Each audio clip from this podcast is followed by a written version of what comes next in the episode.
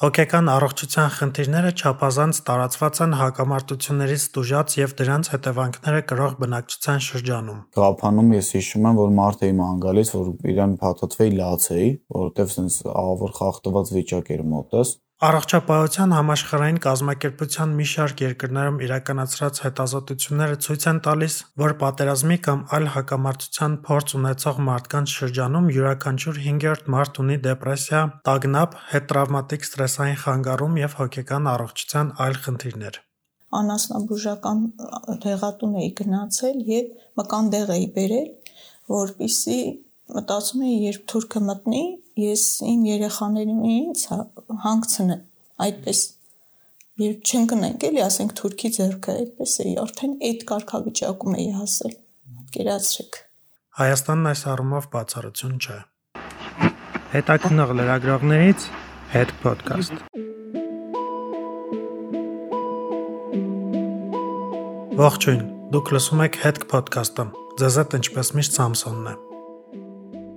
Հոգեբանական աջակցության կարիք ունեցող մարդկանց թիվը Հայաստանում եւ Արցախում աճել է 44-օրյա պատերազմի եւ Ադրբեջանի հետ շարունակական լարված հարաբերությունների հետևանքով։ Չնայած նրան, որ պետությունը չի իրականացրել հետազոտություններ, թե ինչպես է պատերազմը եւ հակամարտությունը ազդել հայաստանցիների վրա, ես վստահ եմ, որ Հայաստանում ապրող ցանկացած մարդ այս մի քանի տարվա ընթացքում առնվազն տարել է ստրես եւ ունեցել է տագնապի զգացողություն։ Սոցիալական հոգեբուժության միջազգային հանդեսում հրապարակված Պատերազմը COVID-19-ի դարաշրջանում հոգեկան առողջության մտահոգությունները Հայաստանում եւ Լեռնային Ղարաբաղում խորագրով հոդվածում հեղինակները նախնական գնահատական են տալիս եւ տեղեկացնում են,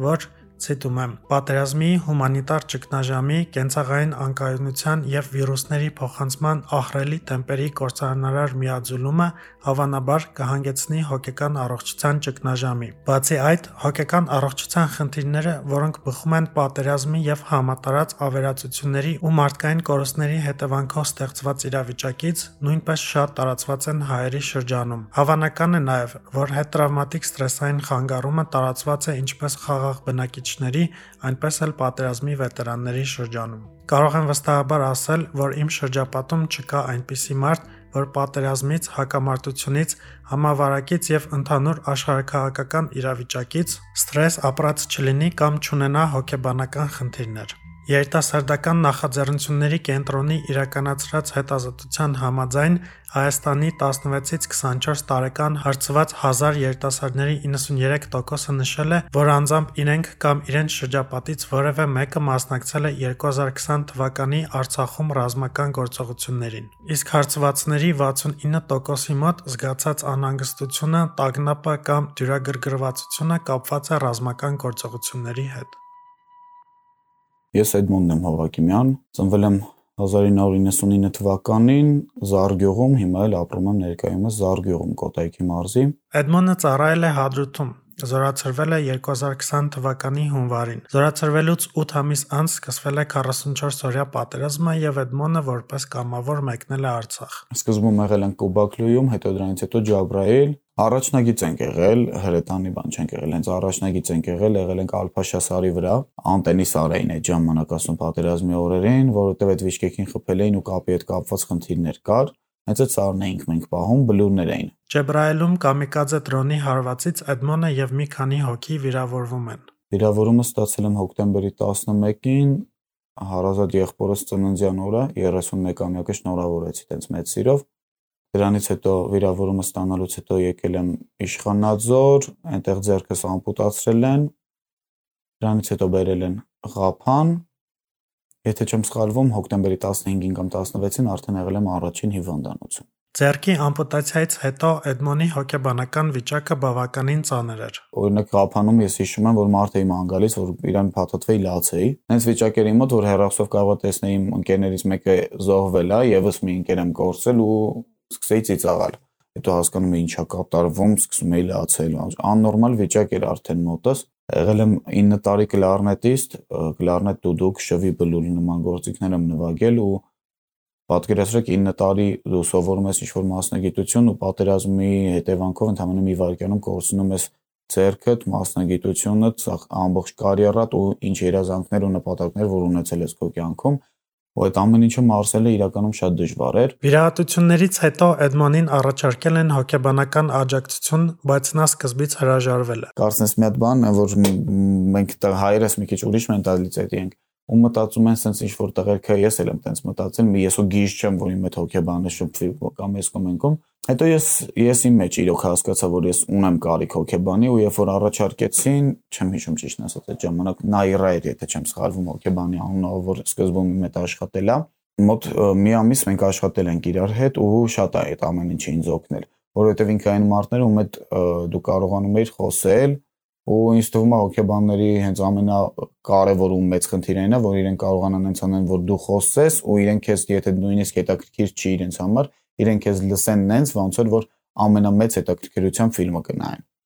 Փարկաստու իր մոտ ստացվեց, ես էլ խոսում էի այն ինչ ուզում էի, այն ինչ այդ ժամանակ ինձ հետաքրքրում էր, որովհետև այդ պահին ունեի տենց հենց պատերազմի վերաբերյալ կապված խնդիրներ, որովհետև մենակ մտածում էի, որ ինչ կլինի, ոնց կլինի, ընկերներս աղբեր ունեմ այդ ժամանակ պատերազմին մի քանի եղբայրներ ունեի կռվող, որ ուշք միտքս իրանց կողմներ, ես արդեն գիտեի, որ ես էլ հետ չեմ գնալու, էլ ոչ մի բան իմ հետ չի կարող լինի ու դե բնականաբար հայրենիքներ մտքումս ու այն որ այդքան մենք առուն ենք թափել, այդ հողերը չմնա ադրբեջանցիներին, բայց ես վստահ եմ, որ պատերազմը պարտվելու ենք իրականում այդ ժամանակ արդեն։ Թերապիայի մի քանի սեանսից հետո Էդմոնը որոշ ժամանակ դադարում է ստանալ հոգեբանական աջակցություն։ Այդ ժամանակ կրկնվեց նորից ամեն ինչ, որովհետև այդ ժամանակ նաև մեր տաններ ապրում Արցախից իմ ընկերը, որի աղբոր ամսի 7-ին էինք թաղել նոյեմբերի, Եղրաբլուրում իրեն թաղեցինք, ինքը ոնց որ ամսի 10-ի առավոտ պիտի հետ գնա արդեն Արցախ վերջացել է թաղման արարողությունը նորից պատերազմը շարունակելու, ինքն էլ էր կռվի դաշտից եկել հարազատ եղբայրներ։ Ու ամսի 9-ի գիշերը ես իմ ընկերոջը Վիտո ինքնից անում եմ, ասում եմ պատերազմը պրծել է պատերազմը վերջացել է ու Շուշին տվել ենք sense վիճակ դե պատկերացրեք արդեն երկու հասուն 22-23 տարեկան տղա իրար հետ նստած ուղակի գոռալով լացում ենք։ Էդմոնը ասում է, որ իր նման պատերազմի շատ մասնակիցներ սկզբից խուսափում են հոգեբանական աջակցություն ստանալ։ Պատճառը ներքին հպարտությունն ու հոգեբանին այցելելու վերաբերյալ եղած կարծրատիպերն են։ Պետքա մի պահ դու քո հետ նստես դեմ դիմաց ու դու քեզ բացատրես, որ դու օգնության կարիք ունես դու իրոք օգնության կարիք ունես։ Դու էլ գիտես, որ դու օգնության կարիք ունես։ Ուղղակի դու մտածում ես, եթե դու կռվել ես ճշնամու դեմ, դու ո՞նց կարաս թուլանաս ինչ որ մեկից օգնություն խնդրես։ Բայց դու իրոք ունես այդ օգնության կարիքը ու դու չես խնդրում այդ օգնությունը։ Իրենք գալիս են, իրանք են խնդրում, որ քեզ օգնեն, որտեվ իրենք հասկանում են քո վիճակը ու յուրաքանչյուր հոգեբանի համար նորմալ հոգեբանի համար այդ ամենը նորմալ է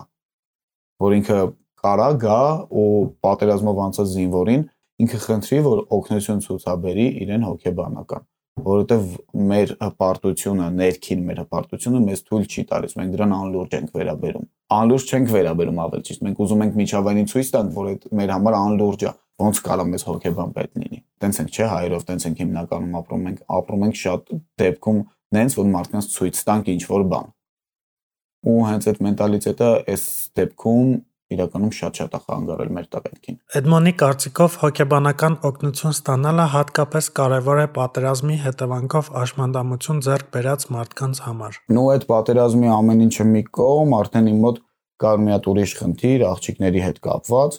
Շատ եմ միշտ սիրել աղջիկներին, ավոր շատ եմ սիրել ու շատ շատ լիքը ընկերուհիներ եմ ունեցել, ու այս ամեն ինչից հետո իմ մոտ առաջացել էր մի հատ թերարժեքության զգացողություն, որ հնարավոր է օրինակ աղջիկները չուզենան շփվեն իմ հետ ու սենց էի մտածում որ աղջիկը կուզենա մի ձեռով տղու հետ շփվի։ Այդ ժամանակահատվածում մի հատ աղջիկ եղավ հիվանդանոցում, որի հետ ես շփվեցի, մոտ մի ամիս շփվեցինք իրար հետ ու ինքը ինձ սենց բան ասեց, որ ես չեմ կարող քո հետ ապրեմ ու այդ կապված էր հենց իմ ֆիզիկական վիճակից ելնելով, ոչ թե օրինակ իմ աշխարհ հայացքի, իմ գաղափարների ու նմանատիպ։ Իրականում շատ-շատ եմ իրան շնորհակալ այդ խոսքերի համար, որովհետև ինքը ինձ ստիպեց եթե մնացած մարդկանց օրինակ շատ շատերին կարար այդ կոտրեր ու դարձներ, չգիտեմ, խաղամոլ հարբեցող կամ նարկոման, իմ մոտ ամեն ինչ փոխվեց, ինքն ինձ ստիպեց, որ ես կյանքին սկսեմ ռեալ նայել, որ ես պետքա կարողանամ նենց ապրեմ ու այնքան կարողանամ ունենալ ու հասունանալ թե ֆինանսապես ու թե որպես տղամարդ, որ ոչ մի աղջիկա չկարողանա դաժե դա հետաքրքրի, որ ես ֆիզիկապես հաշմանդամ եմ ուղղակի իրանք տենան ու հասկանան, որ ես հոգեպես հաշմանդամ չեմ ու որ ամենից կարևորն է այս պատմության մեջ, որ իրանք տենան ու կարողանան հասկանան, որ դու մարդ ես, որը որ կարա քո կողքը կանգնի նենց, ոնց որ որ նույնիսկ չի կարա կանգնի երկու ձեռքով ու երկու ոտքով յուրաքանչյուր անznավորություն։ Հոգեթերապիայի սեանսները Էդմոնը շարունակել է հոգեբան Անի Յանգիբարյանի հետ։ Լինում էր օրեր, որ հանդիպում էինք, լինում էր, որ հիմնականում հեռախոսով էինք զրուցում ու լինում էր լինել եղել են օրեր, որ մինչև 3-4 ժամ իրար հետ զրուցել ենք եթե ինքը այդ ժամանակ ինձ չօգներ, ես էլի իմ բնավորությունն ու ինձ իմանալով ես գիտեմ, որ այդ ամեն ինչի տակից տղավարի դուրս կգայի։ Բայց այն որ ինչ որ մեկը կա որ քեզ օգնում է ու մի տարին դարձնում է մի ամիս, այդ շատ մեծ բան է, որովհետև ես ընդամենը մի քանի ամիս հետո արդեն կարողացա ընդգրկվեմ աշխատանքի մեջ, սկսեցի աշխատել, հետո իմ աշխատանքի իմ դուրը չեկավ, փոխեցի աշխատանքս, նոր մասնագիտություն ձեռք բերեցի, նոր դասեր, դերասանական ոլորտում փորձեր ու դեռ շարունակվում են ու այդ ամեն ինչում շատ մեծ գործոն ունեցել անին։ Հետո ինքը կարողացավ ինձ հասցնել նրան, որ ես սկսեցի մոռանալ այն մասին, որ ես հաշմանդամ եմ, ես ինձ հա բացատրեցի, որ ես ֆիզիկապես եմ մենակ հաշմանդում ու երբ որ այդ ամեն ինչի մեջ ես կարողացա տեղավորվեմ, սկսեցի էլի շփվել աղջիկների հետ ու ոչ թե այն աղջիկները, ովքեր ինձ ճանաչել են պատերազմից առաջ, այլ շփվում էի նրանց հետ, ովքեր ինձ ընդհանրապես չեն ճանաչել նոր ինչ որ մարդկանց հետ, որովհետև չէի ուզում շփվեի նրանց հետ, ովքեր հնում ինձ իմացել են, ու այս նոր տարբերակով են տեսնում ու որ գիտեն ես ով եմ դրա համար, չէ, ինձ պետք էր ուղղակի տեսնեն ես ոնց եմ, ոնց կամ ու տենց շփվեն իմ հետ ու ստացվեց սկսեցի տարբեր աղջիկների հետ շփվեցի, մեկը լավ, մեկը վատես կողմ են կողմ ու վերջում հանդիպեց այն մարդը, ով մինչև օրս հիմա իմ կողքն է ու ինձ թվում է եթե ամեն ինչ լավ լինի ու ամեն ինչ լավ կլինի, մինչև վերջել կմնա իմ կողքը։ Բացի հոգեկան խնդիրներից, պատերազմին մասնակցած եւ հաշմանդամություն ձեռք բերած երիտասարդներն ունեն մի շարք մարտահրավերներ, որոնցից մեկը նոր պրոթեզին հարմարվելն է։ Օրինակ տղերք կան,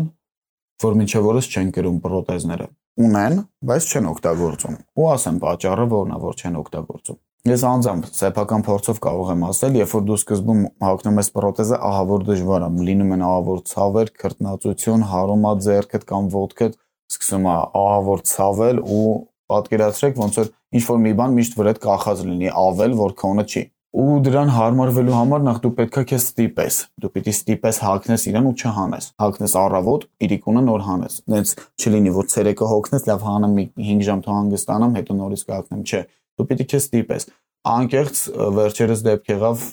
ձերքս փչացել էր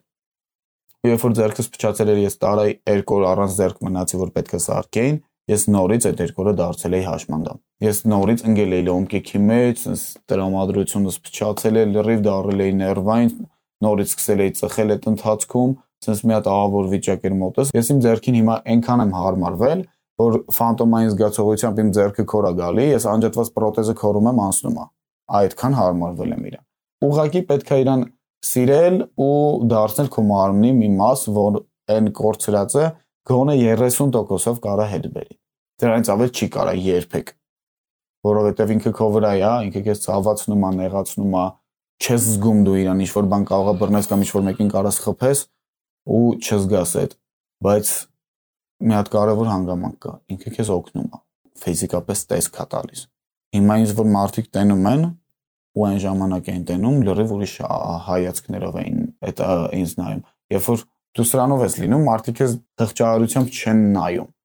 որովհետև իրենք տեսնում են, որ դու տենց ապրում ես։ Էդմոնն ասում է, որ հասարակությունը սովոր չէ տեսնել հաշմանդամություն ունեցող մարդկանց, ինչի պատճառով էլ մարմնի որևէ մաս կորցրած մարդիկ իրենց վրա անընդհատ շրջապատի եւ անծանոթների հայացքներն են զգում ասեմ սովորական քաղաքացիներին շատ կուզեմ որ բոլորն էլ լսեն ու հասկանան որ չի կարելի տենց նայել նման մարդուն Երբ որ դու նայում ես, դու դու կարող այդ բան քո անջատված տենց մտքերով կամ ընկնում ես մտքերի մեջ տենց խղճահարությամբ նայում ես այդ տղուն կամ թեկուզ հպարտությամբ ոնց ուզում ես նա իր համար այդ մեկը տպավորում է որպես խղճահարություն, ու այդ իր հոգեկան աշխարհի վրա անկեղծ ազդում է։ Ես փողոցով որ քայլում էի, երբ որ դեռ մեր պրոթեզները չէին տվել, միշտ այդ օրինակը բերում եմ անկեղծ իմ մոտ տպավորություններ, որ ես տենց մի հատ ահա որ կարճ շորտիկ հակած sense մեծ հետևով աղջիկ եմ որովհետև sense անցնում էի մի հատ դիմացից էի նայում հատ ֆորում էի նայում էի հետևից sense բանալը պատտվել նայում այսինքն վիճակ էր ու մեր հասարակությունն էլ պիտի հասկանա որ մենք այս պատերազմից հետո ունեցել ենք մոտ 200 կամ ավել հաշվանդամ տղերք երբ որ տես նայում են այդ տղու համար են իրանք խնդիր առաջացնում առաջինը հայացքները շատ կարևոր է մարդկանց։ Բացի պատերազմի մասնակիցներից հոգեկան առողջության խնդիրներ կարող են ունենալ պատերազմի մասնակիցների, զոհվածների, անհետ կորածների եւ ռազմակերիների ընտանիքի անդամները։ Այս առումով հատկապես խոցելի են կանայք։ Պատերազմի վիշտը սեփական մարմնի վրա զգացած հարյուրավոր կանանցից մեկն է Արմավիրում իր որդու եւ երկու դստեր հետ բնակվող Ձիաննա Դարփինյանը։ Սեպտեմբերի 27-ի առավոտյան, երբ քնած էինք, 7-ի մոտերը զանգ ստացանք եւ ամուսնուս ասեցին, որ պատերազմը սկսվել է, ու հենց այդ ժամանակից արդեն իմ մոտ այդ լարվածությունը սկսվեց։ Պատերազմ գնացին այդ ժամանակ ամուսինս ու եղբայրս։ Ու Ղարաբաղում առաջիկից Մադաղիսում ծառայում էր քրոջս Որթին 18 տարեկան 6 ամսվա ժամկետային զինծառայող Ամուսնուց, եղբորից եւ քրոջ որդուց երկար ժամանակ լուրջ ունենալն ու ամեն օր տասնյակ զոհերի մասին հաղորդագրությունները հետս հետը մեծ ազդեցություն են ունենում Ձիանայի հոգեկան առողջության վրա։ Հասավ այն պահը, որ լույս ստացանք, որ աթես են գործադրել եւ ամուսինս վիրավորվել է, ոդկը չկա, ինձ այդպես են ասել։ Դե ես անընդհատ ասենք մտածում էի, ինձ ասել էին, որ Գորիսի հիվանդանոցում է ու ամեն օր այսպես խափելով, որ վաղը կգնանք, մյուս օրը կգնանք ճանապարհների փակ լինելը, լարված վիճակը, մտածում էի, որ ինքը ոնց է դիմանում այդ ցավին, այդ այդ ա եղել, ես մտքիս սայրով անգամ չեմ անցկացրել, որ Իհարկե բոլորը իմացել են, բացի ինձանից ու երեխաներիցս։ 23 օր լուրջ ենք ունեցել, բացի այն, որ հոգեբանական ցաներ վիճակում էի, նաև իմ մոտ առաջացավ վախի զգացողություն, ես այնյակումս փակված, ոչ մեկին չէի տեսնում, բնականաբար ոչինչ չէի ուտում, անգամ մեր տունը դե անընդհատ հյուրեր էին գնում գալիս, ծանոթ անծանոթ հարևան բարեկամ, ոչ մեկին չեմ ուզել տեսնել, անգամ մայրիկիս, քրոջս ոչ մեկին չեմ ուզել տեսնել ու անգամ երբ որ մարդկանց տեսնում էի, իրանց աչքերին նայում էի, կարողա բղավեի ու շատ հապեի այդ վիճակին էի հասել։ Երեխաներին անգամ չէի կարողանում տեսնել։ Դե այդ ամեն ինչը տեսնուի նաև երեխեքս, իրանք ինչ վիճակում էին հայտնվել, Տեսնելով, որ Ձիանայի հոգեկան վիճակը գնալով վատանում է, նրա մորաքրոջ աղջիկը դիմում է հոգեբանի։ Շատերի նման Ձիանան սկզբից հրաժարվում է, բայց հարազատները պնդում են եւ կանչում են հոգեբանին։ Հիշում եմ իր այդ առաջին այցը, ինքը մտավ իմ ննջասենյակ ու ես իրան հենց առաջի օրվանից էլ ընդունեցի, որ մինչև այդ ոչ մեկին չէի ընդունում։ Չգիտեմ, խոսքերով չեմ կարող ասել, վարժություն իմ հետ կատարեց։ Դրանից հետո ես ինձ զգացի աշխարհի ամենաուժեղը, որ երբեք չեմ հավատացել, որ կարող է, ասենք, հոգեբանական ծառայությունը տենց ազդել մարդու վրա։ Հետո երևի մի ժամ, ժամ ու կես հետո մենք միասին դուրս ենք եկել հյուրասենյակ ասել եմ երեխեքին սուրճ դրեք, որ միջև այդ տարբեր հյուրեր են եկել, ես ոչ մեկին անգամ չեմ ուզել տեսնեմ։ Առաջին սեանսից հետո Դիանան շարունակում է անվճար հոգեբանական աջակցություն ստանալ շաբաթը 3 անգամ։ Դիանան ասում է, որ շատ բան չի հիշում։ Սա բնական պաշտպանական ռեակցիա է։ Չափից դուրս ծանր ստրեսի ժամանակ արած գործողությունները մարդու ուղեղը նախընտրում է մոռանալ, բայց հոգեթերապիայի հետ կապված Դիանայի բոլոր հիշողությունները դրական են։ Ես բարկած, աչքերս փակ, ինքը զրուցում էր երաշտության ներքո, ես այդ ընթացքում ինձ զգում էի մի հատ հսկա, ամենակարող, ուժեղ հիշում եմ դրանից հետո ես վեր էի կենում շատ ակտիվ ու ասենք ոչինչ երբ օրեր շարունակ ոչինչ չես կերել չգիտեմ խոսքերով շնորհակալությունը քիչ է իրան իմ նման ընտանիքների եւս հետո այստեղ կազմակերպեց հանդիպումներ մամաներ, զոհվածի մամաներ, կանայք հանդիպումներ ունեցանք մի քանի անգամ։ Հիմա նորմալ վիճակում եմ։ Երեխաներիս կողքին ուժեղ Ձյանան պատմում է, որ երեխաները նույնպես ծանր են տարել հոր մահը։ Հասկանալով, որ հոգեբանի հետ աշխատանքը օգնում է թեթևացնել վիշտը, Ձյանան որդուն նույնպես ուղարկել է հոգեբանական աջակցություն ստանալու։ Տղա շատ-շատ էր կապված իր papai հետ։ Տղա շատ ծանր էր տանում, շատ։ Աղջիկներս էլ մեկը իր մեջ շատ ծանր, մեկը ամբողջ օրը շատ բարձրացային լացում էր։ Երևի միջնեկս երևի դա իրան հանեց այդ վիճակից, որ լացում էր, մյուսս իր մեջ արփակվել էր։ Չնայած որ իրանց մոտ էր խնդիրներ եղան ստրեսային, հետո կամած կամած հարթվեց։ Տղայիս այստեղ տանում էի հոկեբանի մոտ, արդեն այստեղ անունը Լուսին էր, ինքն էլ շատ լավ աղջիկ էր, շատ լավ մարդ էր, լավ հոկեբան, հա, տղայիս հետ աշխատում էր, շատ հաճույքով էր գնում, լավ էր իրան զգում Դիանայի քրոջ տղան շարունակում է ծառայությունը որպես ժամկետային զինծառայող։ Օրինակ քրոջս տղային էլ միանշանակ պետք էր հոգեբանական աջակցություն, երբ 3 օրով թե 5 օրով եկավ օտպուսկ, չէր կարողանում ինքնաթիռը երբ գնում էր, ինքը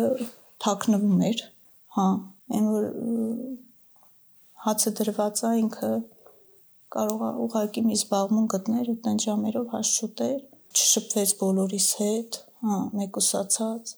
շատ ծանր վիճակում էին երեխեքը բոլորն էլ միանշանակ բոլորն էլ մի քանի օր աղվեսաբներում են եղել փոքրիկ փորված հետո արդեն երբ ով կարողացել է կենթանի մնացել արդեն քանդելով մյուս տեղերը իրենց ընկերներին են գտել դիակները ինչեր ասես տեսել է սարսափելի շատ բաներ դե չեմ պատմում։ Դիանայի եղբայրը պայմանագրային զինծառայող է։ Պատերազմից հետո շարունակում է ծառայությունը Արցախում։ Դիանայի խոսքով եւ եղբայրը եւ քրոջ տղան ծանր հոգեբանական ապրումներ են ունեցել եւ հոգեբանի կարիք ունեն։ Շատ վատ վիճակում էր դե եղբայրս, հա, 6 ժամ մահացածների մեջ ա եղել, մահացած, կիսամահացած, կոնտուզիա տարած։ Հետո երբ որ դիակները տեղափոխել են ինքը արթնացել է, Դրանից հետո ի վիճակի չէր ուղակի Իչե երկու անգամ էլ դե պայմանագիրը լրացած չէր բարձրացել է դիրքեր, հետո արդեն ի վիճակի չէր որոշ դաթարից հետո նորից տեղավորվել է նորից պիտի բարձրանում արդեն դիրքերա բարձրանում, այս պահին ճիշտ է դիրքերում չի, բայց շուտով կբարձրանա։ Ղարաբաղը հիմա գնում, 14 օր մնում է Ղարաբաղում, հետո գալիս է։ Ինքն էլ ապրիլյանի քարորիա կամավոր մասնակից, առաջնագծում դիպուկահար, շատ սխրանքներ ինքն էլ ա գործել։ Ձիանան պատմում է, որ եղբայրը որևէ հոգեբանական աջակցություն չի ստացել եւ այդպես շարունակել է ծառայությունը։ Ինքը պատերազմից հետ նախ երբ որ եղել է դեպքը, ինքը շարունակել է մարտը միջև վերջ, չի զոհվել, բարեբախտաբար ողջ է մնացել այդքան տղաների մեջ, 3 հոգի են ողջ մնացել, մեկ ինքը շարունակել է մարտը միջև վերջ, հետա վերադարձել, դրանից հետո երկու անգամ նույնպես բարձրացել է դիրքեր, որտեղ նորից պատերազմ է եղել ու դրան ինքը ոչ մի տեսակի աջակցություն չի ստացել։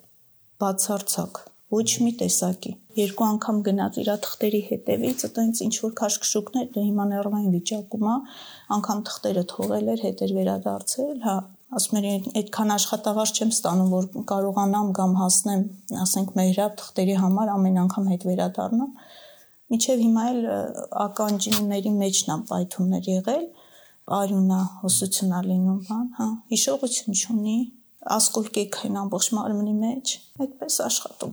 այժմ կան զինծառայողներ որոնք առանց հոգեբանական աջակցություն ստանալու եւ վերականգնում անցնելու շարունակում են ծառայությունը Մինչդեռ պատերազմի յուրաքանչյուր մասնակցին եւ առաջին հերթին զինծառայության մեջ գտնվող անձանց պետք է հասանելի լինի հոգեկան վիճակի գնահատումն ու ըստ կարիքի աջակցությունը այդ անձինք չան որ հոգեբանական խնդիրներ ունեն, որոնք չեն հաղթահարվել։ Ու իրանք հիմա ինչ որ սահմանի վրա կանգնած են,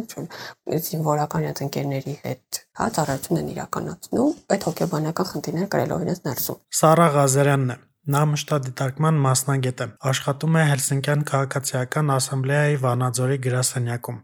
Սարայի բաժինը զբաղվում է հոգեկան առողջությամբ, հաշմանդամություն ունեցող անձանց իրավունքներով եւ մարդու իրավունքների հետ կապված այլ իրավապաշտպան գործունեությամբ։ 2020 թվականի նոյեմբերի 18-ին Նիկոլ Փաշինյանը հրապարակեց 44-օրյա պատերազմից հետո երկրում ստեղծված իրավիճակի հաղթահարման ուղղված ճանապարհային քարտեզը։ Այս քարտեզի 7-րդ կետը նախատեսում էր պատերազմին մասնակցած անձանց եւ ընդհանուր առմամբ հանրության հոգեբանական ռեաբիլիտացիայի համակարգի ձևավորում։ Սրանից 3 ամիս անց 2021 թվականի փետրվար ամսին կառավարությունը որոշում ընդունեց եւ հաստատեց ռազմական գործողություններին մասնակցած անձանց եւ հանրության հոգեբանական վերականգնման կարգը։ Որոշմամբ սահմանվեցին պետական աջակցության շրջանակներում հոգեբանական վերականգնման ծառայությունների տեսակները եւ թիրախ խմբերը։ Ծրագիրը նախատեսում էր անհատական եւ խմբային հոգեբանական աջակցություն, հոգեթերապիա, հոգեբանների շարժական խմբերի ծառայություն, հոգեբանական աջակցման թեժգիծ եւ մատչելի տեսաշարերի նկարահանում։ Թիրախային խումբը ընդգրկում էր անհետ կորածների եւ ռազմագերիների ընտանիքի անդամներին, ռազմական գործողությունների ընթացքում վիրավորում ստացած կամ հաշմանդամություն ձեռք բերած անձանց, զոհված զինծառայողների ընտանիքի անդամներին եւ տեղահանվածներին։ Սրանից երկու ամիս անց 2021-ի ապրիլի 22-ին կառավարությունը ծրագրի իրականացման համար արտակարգ իրավիճակների նախարարությանը պահոստային ֆոնդի հաշվից հատկացրեց 100 միլիոն դրամ։ Հայտարարվեց մրցույթ, որի արդյունքում հաղթող ճանաչվեց 7 կազմակերպություն եւ 1 անհատ ձեռներեց ներառող կոնսորցիում։ Ծրագրում ներգրավեց մոտ 60 հոգեբան նախատեսվեց 6-ամսյա ծրագիր, որի ֆինանսավորումը հատկացվել է 2021 թվականի մայիսի 21-ին, իսկ հոգեբանական աջակցության փաստացի աշխատանքները սկսվել են 2021 թվականի հունիսի 1-ից։ Պատերազմի ավարտից եւ ճանապարհային քարտեզի հրապարակումից ավելի քան կես տարի անց միայն փաստացի մեկնարկեց պատերազմի հետևանքով առաջացած հոգեբանական խնդիրներին դիմակայելու ծրագիրը։ Հելսինկյան քաղաքացիական ասամբլեայի Վանաձորի գրասենյակն ուսումնասիրել է, թե ինչպես է ընթացել կառավարության այս ծրագիրը եւ որքանով է եղել արդյունավետ։ Այս ուսումնասիրության մասին զրուցել եմ Սարայի հետ։ Նշեմ, որ մենք ի սկզբանե շատ դրական էինք տրամադրված, հա շատ լիահույս էինք որտեվ ինքը ճիշտ ընտրված ինչ որ նպատակ էր։ Որտեղ բացի նրանից, որ թիրախավորվել էին պատերազմի անմիջական մասնակիցները, ընտանիքի անդամները, հարազատները, նաև ընդհանուր հանրության հոգեկան առողջության խնդիրը կարևորվեց, որտեղ անդրադարձը ամբողջ հասարակության վրա շատ մեծ ա եղել այդ պատերազմի ու դրա հետևանքների։ Ասեմ, որ մենք այդ մշտադիտարկման մեր հիմնական աղբյուրները, որոնք են հա եղել, ԶԼՄ հրապարակումներն են եղել, ծրագրի պատասխանատուների հարցազրույցներն են եղել, ելույթներն են եղել ու հարցումներն են եղել հենց պատկան մարմիններին որ հասկանանք թե իրենք ինչպես են գնահատում հայ իրենց աշխատանքը ինչ են արել այդ ուղղությամբ եւ երբ որ համադրում ենք իրանց տված այդ թվերը կատահայտարարությունները կատարած հասկանում ենք որ ինքը իր նպատակին չի ծառայել ծրագիրը ցավոք մշտադիտարկման արդյունքները ցույց են տալիս Չնայած որ նախապատրաստական աշխատանքները տևել են շուրջ 7 ամիս, կարիքը ճիշտ չի գնահատվել եւ թիրախ խմբերին գտնելու մեխանիզմները լավ չեն մշակվել։ Անմիջական մասնակիցները ոնց են ներգրավել իրենց ասելով տարբեր ինչ որ միջոցներով աղբյուրներով փորձել են այդ անձանց գտնել հայտնաբերել բայց երբ խոսում ենք թվերի մասին իրենց բարձում է որ ընդամենը սեպտեմբերի 30-ի դրությամբ աջակցություն է ստացել 1090 անձ 1090 անձը եթե համադրում ենք էլի պետական մարմինների հրապարակած պաշտոնական թվերի զոհվածների անհետ կորածների գերեվարված անձանց մարմնական վնասվածքներ տանձած անձանց թվերի հետ հասկանում ենք որ դա ընդհանրապես ինչ որ փոքրիկ ճոկաթիլ է այսինքն էլի այդ առումով էլ գոնե ինչ որ այդ նվազագույն կարիքը անգամ չի բավարարվել։ Դա էլ մենք հիմնական թվերը, իրական թվերը չունենք անգամ թվերի հետ դժվար է հավիճելը։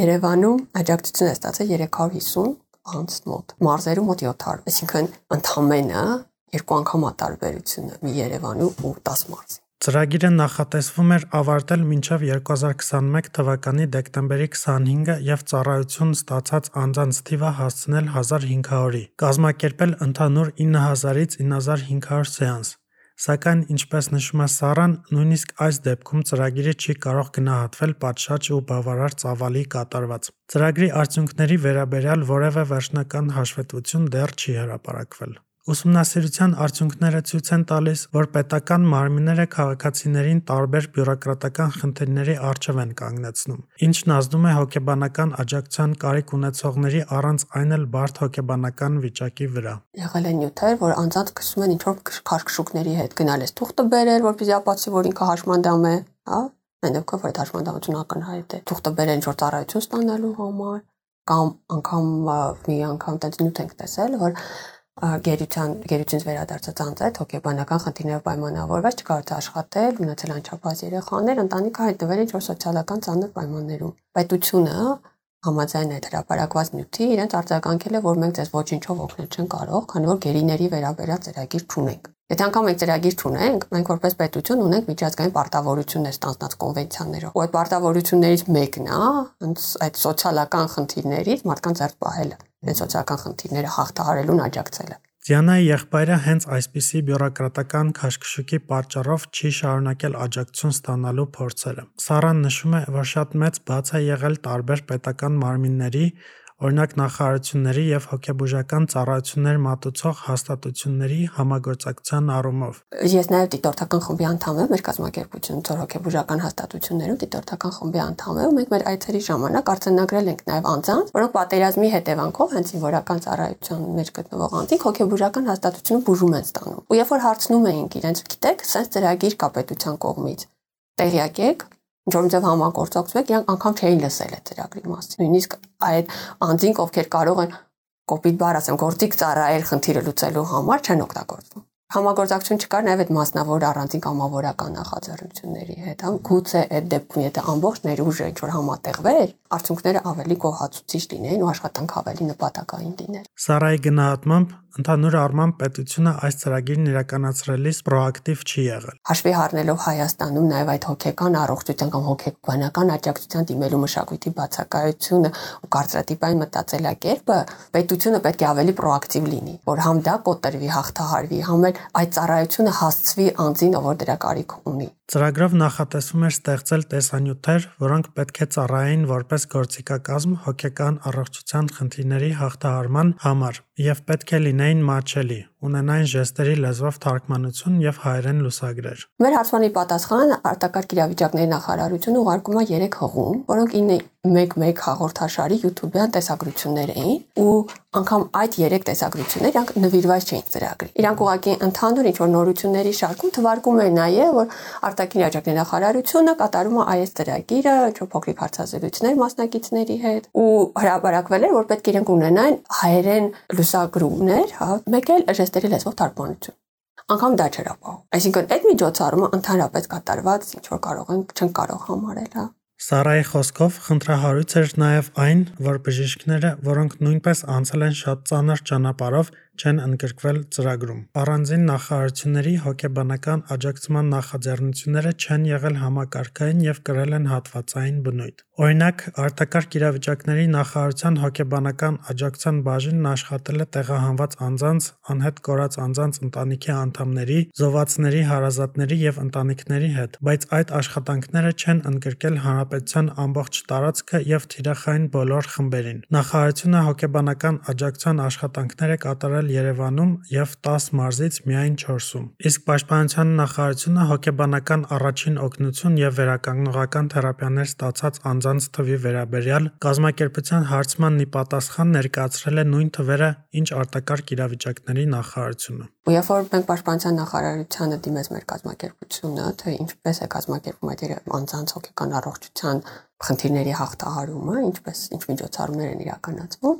այդ ասացին, որ իրենց հետ աշխատում են հոգեբանները, կատարվում են տնայցեր, բայց թվային տվյալները, երբ որ համադրում ենք, երկու անգամ ենք հարցում արել հունվարին 2021 թվականին եւ սեպտեմբերին։ Թվային տվյալները նույնական են։ Այսինքն հունվարից հետո որևէ աջակցություն, որևէ միջոցառում ծառայության մեջ գտնվող անձանց համար չի իրականացվել։ Ու Պաշտպանության նախարարությունը հողում է անում արտակարգ իրավիճակների նախարարության կողմից այդ նշյալ ծրագրին բայց ծրագրի պատասխանատուներն իրենց հերթին ասում են, որ իրենց թիրախումբը ծառայության մեջ գտնվող անձինք չեն հանդիսանում։ Հասանելիություն, կոմիսարիատներ կամ այդ զինվորական ծառայության հա մասեր իրենք չունեն այլ մասնավոր նախաձեռնությունների մասին կարծում եմ անիմաստ է խոսել իրենք բնականաբար մուտք այնտեղ չեն ունեն։ Հայաստանը ստանձնել է հոգեկան առողջության պահպանման պարտավորություններ տարբեր միջազգային փաստաթղթերով։ Հայաստանի ներպետական օրենսդրությունը նույնպես հոգեկան առողջության պահպանման երաշխիքներ է սահմանում։ Մենք ունեցել ենք ռազմավարություն հոգեկան առողջությանը նվիրված 2014-ից 19 թվականների համար։ Էլի քաղաքացիական հասարակության մեծ ներդրման շնորհիվ այն կարողացավ կյանքի կոչվել Ճիշտ է, իրականացման առումով նորից ինքը գոհացուցիչ չի, մեր կազմակերպությունը մրտադակեր գնահատել է դա, բայց գոնե կար 19 թվականից հետո արդեն երրորդ տարին է, մենք ընդհանրապես որևէ ռազմավարություն հոգեկան առողջության պահպանման վերաբերյալ չունենք։ Այն դեպքում որ մեզ համար դա այսօր արդիականն էլ երևի փոքր, հա, ինչ որ բարդ է գնահատելու համար դրա անհրաժեշտությունը։ Ու հիմա ասենք առաջնահերթ խնդիր պետքա լինի իրան համալիր լուծում տալու համար։ Ոչ թե ինչ որ առանձին հատվածային, այլ որ ամբողջ ոլորտը պետքա դառնա առաջնահերթություն ու միշտ լինի ուշադրության կենտրոնում ու ամենակարևորը լինի համագործակցություն գերատեսչությունների միջև, լինի համագործակցություն ինչ-որ միջազգային փորձագետների հետ, լինի ինչ-որ համագործակցություն դաշտում մասնագետների հետ, որպեսզի հնարավոր լինի հաջողել։ Մենք մշտապես այդ ուղղությամբ աշխատում ենք, անդադ խոսում ենք, անդադ ասում ենք, որ պետք է, պետք է, պետք է։ Հուսով ենք, որ կլինի ու հուսով ենք, որ իսկապես պետությունը մեծ կարևորություն դրա կտա, որտեղ ինքը մեկ օրվա խնդիր չի, ցավոք։ Կառավարությունը ամենակարևոր անելիքների ճանապարհային քարտեզում հրճակել էր որ ձևավորելու է հանրության հոգեբանական ռեաբիլիտացիայի համակարգ։ Փաշինյանը նույնիսկ գրել էր, որ ինքն անձամբ ամբողջությամբ լծված է նման խնդիրները հաղթահարելու գործին։ Բայց գործնականում հոգեկան առողջության օգնության համար պատասխանատու պետական մարմինները չեն կարողացել այսպիսի համակարգ ձևավորել։ Ավելին, ընդամենը կես տարի տևող հոգեբանական օգնության ծրագիրը չի իրականացվել պատշաճ կերպով ունեցել է բազմաթիվ թերություններ, չի ապահովել անհրաժեշտ ծավալով եւ ժամանակով հոգեբանական աջակցություն։ Բարեբախտաբար հանրության միակ հույսը պետությունն ու պետական մարմինները չեն։ Պատերազմը սկսվելու հենց առաջին օրվանից ձևավորվեցին տարբեր ուղղություն ունեցող քաղաքացիական նախաձեռնություններ։ Մարդիկ օգնում էին իրար ինչով կարող էին։ Բացառություն չէր նաև հոգեկան առողջության ոլորտը։ Փոխօգնության քաղաքացիական նախաձեռնություններից մեկը դեպի կյանք նախաձեռնությունն էր, որը ստեղծվել էր պատերազմից տուժածներին հոգեբանական աջակցություն տրամադրելու նպատակով։ Նախաձեռնության գործունեությունը համակարգել հայկական հոգեբուժական ասոցիացիան, իսկ հոգեթերապիայի եւ այլ անհրաժեշտ ծառայությունները մատուցել են հոգեկան առողջությամբ զբաղվող կազմակերպությունների մի շարք առաջատար մասնագետներ։ Երբ պատերազմը ավարտվեց, արդեն շատ արագ 2-3 օրվա ընթացքում պարզ դարձավ, որ ինչ որ մասշտաբային կազմակերպված բանին սпасելը անիմաստ է եւ պետք է արագ հնարավոր ունես ինչ որ բան կազմակերպել։ Մենք մեր ուժերով մի քանի մեր գործընկերների հետ միասին սկսեցինք նախաձեռնությունը, այսինքն հիմնական մեր կենտրոններ նախաձեռնողը եւ կոորդինացնողը, բայց նաեւ այլ կենտրոններից մասնագետներ ներգրավեցինք եւ սկսեցինք աշխատել։ Հովսեփյան Արամն է։ Նա MHS հոգեկան առողջության ծառայության հիմնադիրն է դեպի կյանք նախաձեռնության ղեկավարն է եղել։ Արամի խոսքով նախաձեռնությունը մի քանի փուլով տարբեր տեսակի օգնություն է տրամադրել։ Առաջին փուլը իր մեջ ներառեց ու այդ անհետացկելի կոնսուլտացիաները, այսինքն ընդունում էինք բոլոր ցանկացողներին, որոնց մեջ մտնում էին մասնակիցները անմիջական ռազմական գործողությունների զինվորները եւ կամավորները մտնում էին իրանց ընտանիքի անդամները, մտնում էին տեղահանվածները, մտնում էին կորուստ ունեցած մարդիկ, եւ զուգահեռաբար նաեւ ծրագիր մշակեցինք, այսինքն մենք սկսեցինք մշակել արդեն պատերազմի օրերին եւ ավարտեցինք մշակումը եւ սկսեցինք կիրառել, որովհետեւ բոլոր շրջանների բժշկական կենտրոնների այն մասնագետներին, ովքեր որ կարող են առնչվել հոգեբանական հետևանքներից դժուժած մարդկանց սովորացնենք այդ վիճակները ճանաչել, ախտորոշել եւ կապ հաստատել, որպեսզի հետո դիմեն մասնագետի։ Մարզերի բժշկական կենտրոններում աշխատող բժիշկների համար մասնագետների խումբը շուրջ 20 դասընթաց է կազմակերպել, որոնց ընթացքում բժիշկները ձեռք են բերել սկզբնական հմտություններ հոգեբանական տրավմա տարած մարդկանց հետ աշխատելու համար։ Սրան զուգահեռ նախաձեռնության մյուս մասնագետները անցկացրել են հոգեբանական կոնսուլտացիաներ սկզբնական շրջանում մեր ուժերով էին կանում, այսինքն մեր միջոցներով էին կանում, հետո ընթացքում ստացվեց նաև դրամահավաք կազմակերպել։ Մեր ընկերները Միացյալ Նահանգներից օգնեցին, իրանք բավականին ծավալուն դրամահավաք կազմակերպեցին սոցցանցերում եւ դա հնարավորություն տվեց մեզ ծրագիրը ավելի ընդարձակել, ավելի շատ մասնագետներ ներգրավել եւ բավականին երկար իրեն շարունակել, ինչը շատ կարեւոր էր, որովհետեւ ի տարբերություն շատ նման ծրագրերից մենք կարողացանք մարդկանց տրամադրել անսահմանափակ քանակությամբ հոգեբանական սեանսներ, այսինքն կային դեպքեր, ում պետք էր 15-20 այցելություն եւ մենք կարողացանք դա իրանց ապահովել, որը իրոք կարեւոր էր, քանի որ միշտ չի որ կարճ ժամանակում լուծվում է խնդիրը։ Նախաձեռնությունը հոգեկան առողջության մասին հասարակությանը իրազեկելու աշխատանքներ է կատարել։ Արամի խոսքով նման քաղաքացիական նախաձեռնությունները եւ արագ արձագանքելու եւ կազմակերպվածության առումով ավելի շատ հնարավորություններ ունեն։ Իսկ պետությունը ավելի արդյունավետ կարող է լինել ավելի massայական միջոցառումների եւ հանրային ծառայությունների մատուցման գործում։ Ըստ նրա, քաղաքացիական նախաձեռնությունները արել են այն, ինչ այդ պահին ամենաարդյունավետը կստացվեր իրենց մոտ պետության հետ որևէ կերպ չենք համագործակցել, դա այդ մարզային ծրագրերն են մենք ենք պարզապես կազմակերպել արդեն ու օգնել են իհարկե նախարարությունից ուղարկել են գրություն, որ նման բան է կազմակերպում, բայց դա եղել է բացառապես մեր նախաձեռնությունը այ մենք մենք փորձել ենք զբաղացնել այն տեղը, որը որ պետք է զբաղացնել հնարավորինս արագ, այո բոլորս է գիտենք, որ կան process-ներ, որոնք ինչքան ավելի պետական մակարդակով, ավելի բարձր մակարդակով է կատարում, այդքան ավելի երկար է պետք նախապատրաստվել, որոշակի ինչ-որ ֆորմալ փուլեր անցնել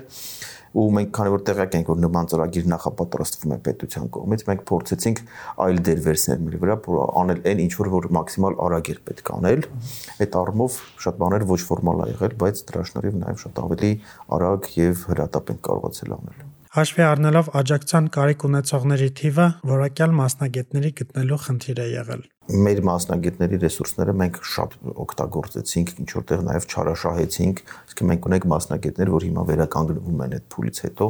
որովհետև իրոք մեծ ծանրաբեռնվածությամբ են աշխատել։ Մենք ունենք մեծ քանակությամբ մասնագետներ, սակայն այդ մասնագետների զգալի մասը մինչև վերջ պատրաստ չի եղել այս վիճակների հետ աշխատելու,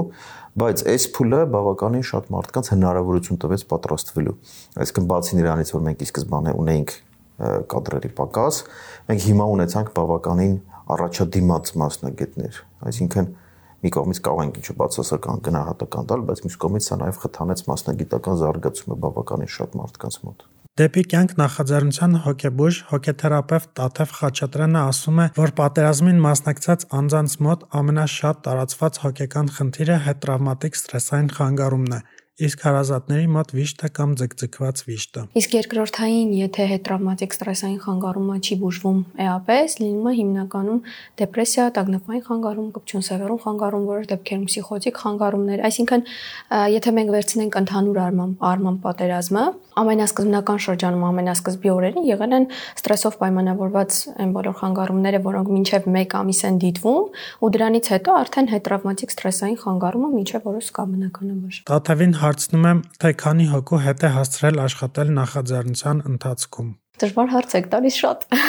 Իրականում չեմ հաշվել, բայց շատ-շատ։ Այսինքն ունեցել եմ թե զինվորներ, ովքեր մինչև վերջ եկել են խնդիրը վերջացրել են, եղել են դեպքեր, որ 2-3 կամ 5-10 այց եկել են ու էլ չեն եկել, որովհետև մտածել են, որ խնդիրն իրենց մոտ են առաջնային հայցը, հա, որպես այդպեսին անցել է ու այդ հնարավորություններից կարող են օգտվել նաև այլ զինվորներ, զինծառայողներ կամ ընտանիքի անդամներ ունեցել եմ ընտանիքի անդամներ, որ շատ երկար են եկել, մինչև ծրագրի ավարտը մասնակցել են, այսինքն տարբեր են եղել, շատ-շատ են եղել։ Դե բոլորը իրականում շատ դժբախտ պատմություններ են եղել, որոշներից շատ հուզվել եմ, որոշները ինձ հետ տուն եմ տարել, երկար մտածել եմ, հա, որոշների ժամանակ հալացս հազիվ եմ զսպել, կարելի այսպես էլ ասել, ինչ որ պատմություններ եղել են, որ չեմ զսպել։ Այս այնքան ցավոտ թեմա է, որ ինչ որ փոքր առաջ խաղացումը բավականին մեծ հաջողություն է էլի մեր ոլորտում։ Հոգեբանական օգնության ամենակարևոր մասը հոգեթերապիան է։ Որոշ դեպքերում հոգեբույժները կարող են նշանակել նաև դեղորայք, օրինակ հակադեպրեսանտներ։ Ու հոգեթերապիայի մեջ մի հատ նյուանսային հատված կա, որտեղ կոնկրետ պայքար է գնում սեփական վախի դեմ, հա, այն ինչը որ ստրես ստրես առաջացնող է լինում, տրիգեր է լինում, աշխատանք ենք տանում կոնկրետ, որի արդյունքում ստրեսային իրավիճակի հետ կապված պատասխանը թուլանում է եւ ինչ որ պահից սկսում է նաեւ վերանալ, անհետանում է։ Իրականում կոմպլեքս բուժումը ամենաիդեալականն է լինում։ Բայց ես որպես բժիշկ եմ ասում, բնականաբար հոգեբաններն ասում են, որ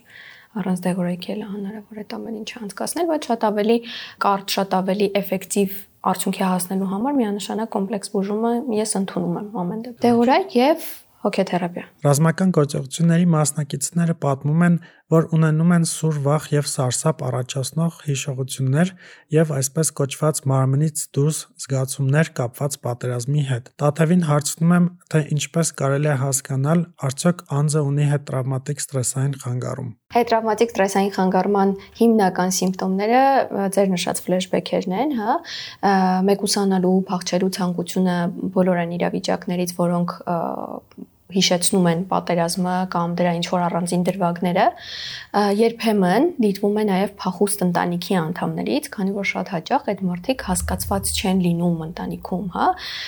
ինչպես է դա հնչում, որ դե մի տարի անցել է արդեն, մոռացի, դե ոչինչ, թեթև տար, հա, բայց ինչպես եւ այլ ֆիզիկական խնդիրները, օրինակի համար ոտքի կոտրվածքը, ոտքի կորուստը, նույն ձև էլ հոգեկան խնդիրները բավականին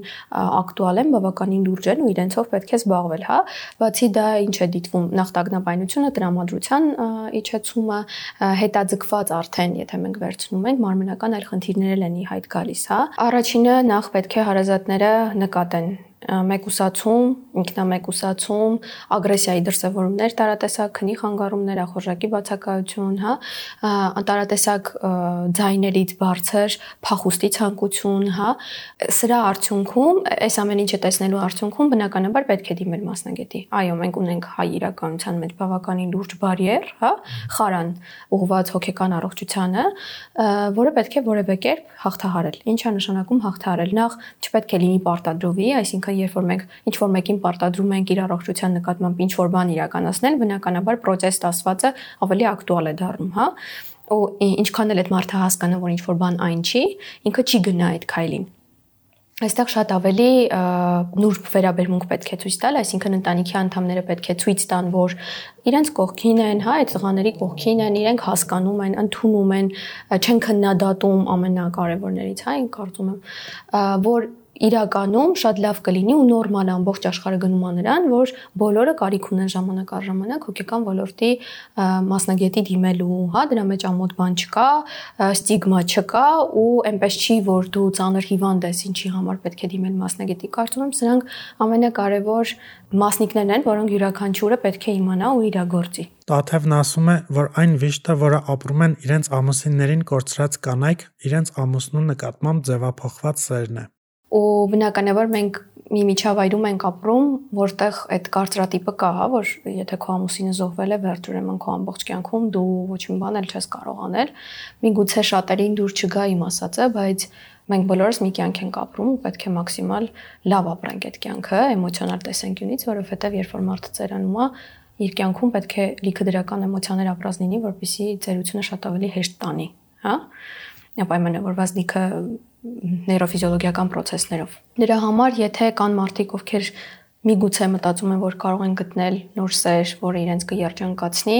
պետք չի մտածել, որ դա վատ է կամ ամոթալի է կամ նման ինչ-որ մի բան։ Պատերազմի մասնակիցները կամ դրա հետևանքները կրողները շատ դեպքերում փակվում են եւ չեն շփվում ընտանիքի անդամների կամ ընկերների հետ չեն շփվում, որովհետև հասկանում են, որ իրենց չեն հասկանա կամ միգուցե այդ ամբողջ ինֆորմացիան շատ ավելի շատ կվնասի իրենց հարազատներին, քանի որ իրենք եղել են այդ իրավիճակներում, հաղթարել են, բայց քանի որ մարդկանց ֆանտազիան շատ ուժեղ է, ընտանիքի անդամները կարող է շատ ավելի վառ պատկերացնեն, ինչը իրենց ավելորդ անգամ ստրեսի ենթարկի, հա։ Դրա համար փորձում են շատ ավելի խուսափել ու ընդհանրապես չխոսել այդ թեմաներով, ու շատ հաճախ հարազատները ինչ որ ինֆորմացիայի տիրապետում են շատ պատահականորեն, ինչ որ միջավայրում ու զարմանք են ապրում, որ վայ մեր հարազատը SSS իրավիճակների միջով փաստորեն անցել է։ Այստեղ շատ կարևոր է շատ շատ շատ չճնշել, հա, երբ էլի նույն մեխանիզմով երբ որ ճնշում ենք, ոչ մի լավ բան դա չի հանգեցնում, բայց միևնույն ժամանակ ցույց տալ, որ ես միշտ քո կողքին եմ, ես պատրաստ եմ քեզ աջակցել։ Միգուցե դու ինձ հետ չես ուզում շփվել, որովհետև ես քո ընտանիքի անդամն եմ, ես դա ընդունում եմ, ինձ համար նորմալ է, բայց արի դիմենք մասնագետի մասնագետի ընտրությունը թողնում եմ քեզ օրինակ։ Այսինքն այդ շատ ավելի փափուկ պետք է արվի, ոչ թե կոպիտ, ինչ որ ծաղրանքի միջոցով եւ այլն եւ այլն։ Հոգեբանական աջակցություն ստանալուց հետո եւ Ձիանան եւ Էդմոնը ասում են, որ իրենց կյանքի որակը փոխվել է եւ նրանք կարողացել են հաղթահարել անելանելի ու անverջ թվացող հոգեբանական խնդիրները։ Խորհուրդ կտամ տղերքին, ովքեր որ մինչև հիմա չեն օգտվել հոգեբանից, գոնե թող հիմա թեկուզ մի ամիս, 10 օր, 2 ամիս, չգիտեմ, ինչքան որ կհասկանան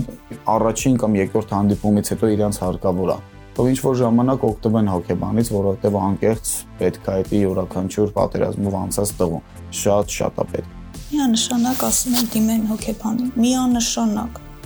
լավ հոգեբանի, իրենք դուրս կգան այդ վիճակից։ Կարող եմ շնորհակալություն հայտնել այն հոգեբանին, ով փրկել է իմ ընտանիքը այս պահին, իմ երեխաների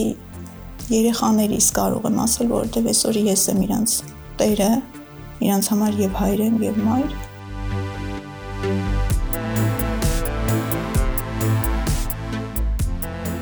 Շնորհակալություն հետ ոդքասթը լսելու համար։ եթե ուզում եք աջակցել մեզ, խնդրում եմ տարածել այս թողարկումը ձեր սոցիալական ցանցերով։ Միացեք նաև մեր Facebook-յան խմբին հայատար կամ լատինատար որոնելով Head Podcast։ Գտեք եւ բաժանորդագրվեք մեզ podcast լսելու հավելվածներով iPhone-ի համար կա Apple Podcast հավելվածը, իսկ Android հեռախոսների համար խորհուրդ եմ տալիս Google Podcast հավելվածը։ Բոլոր հղումները հասանելի կլինեն թողարկման նկարագրության մեջ։ Հետ ինչպես միշտ Samsung-ներ։ Մինչ նոր թողարկում։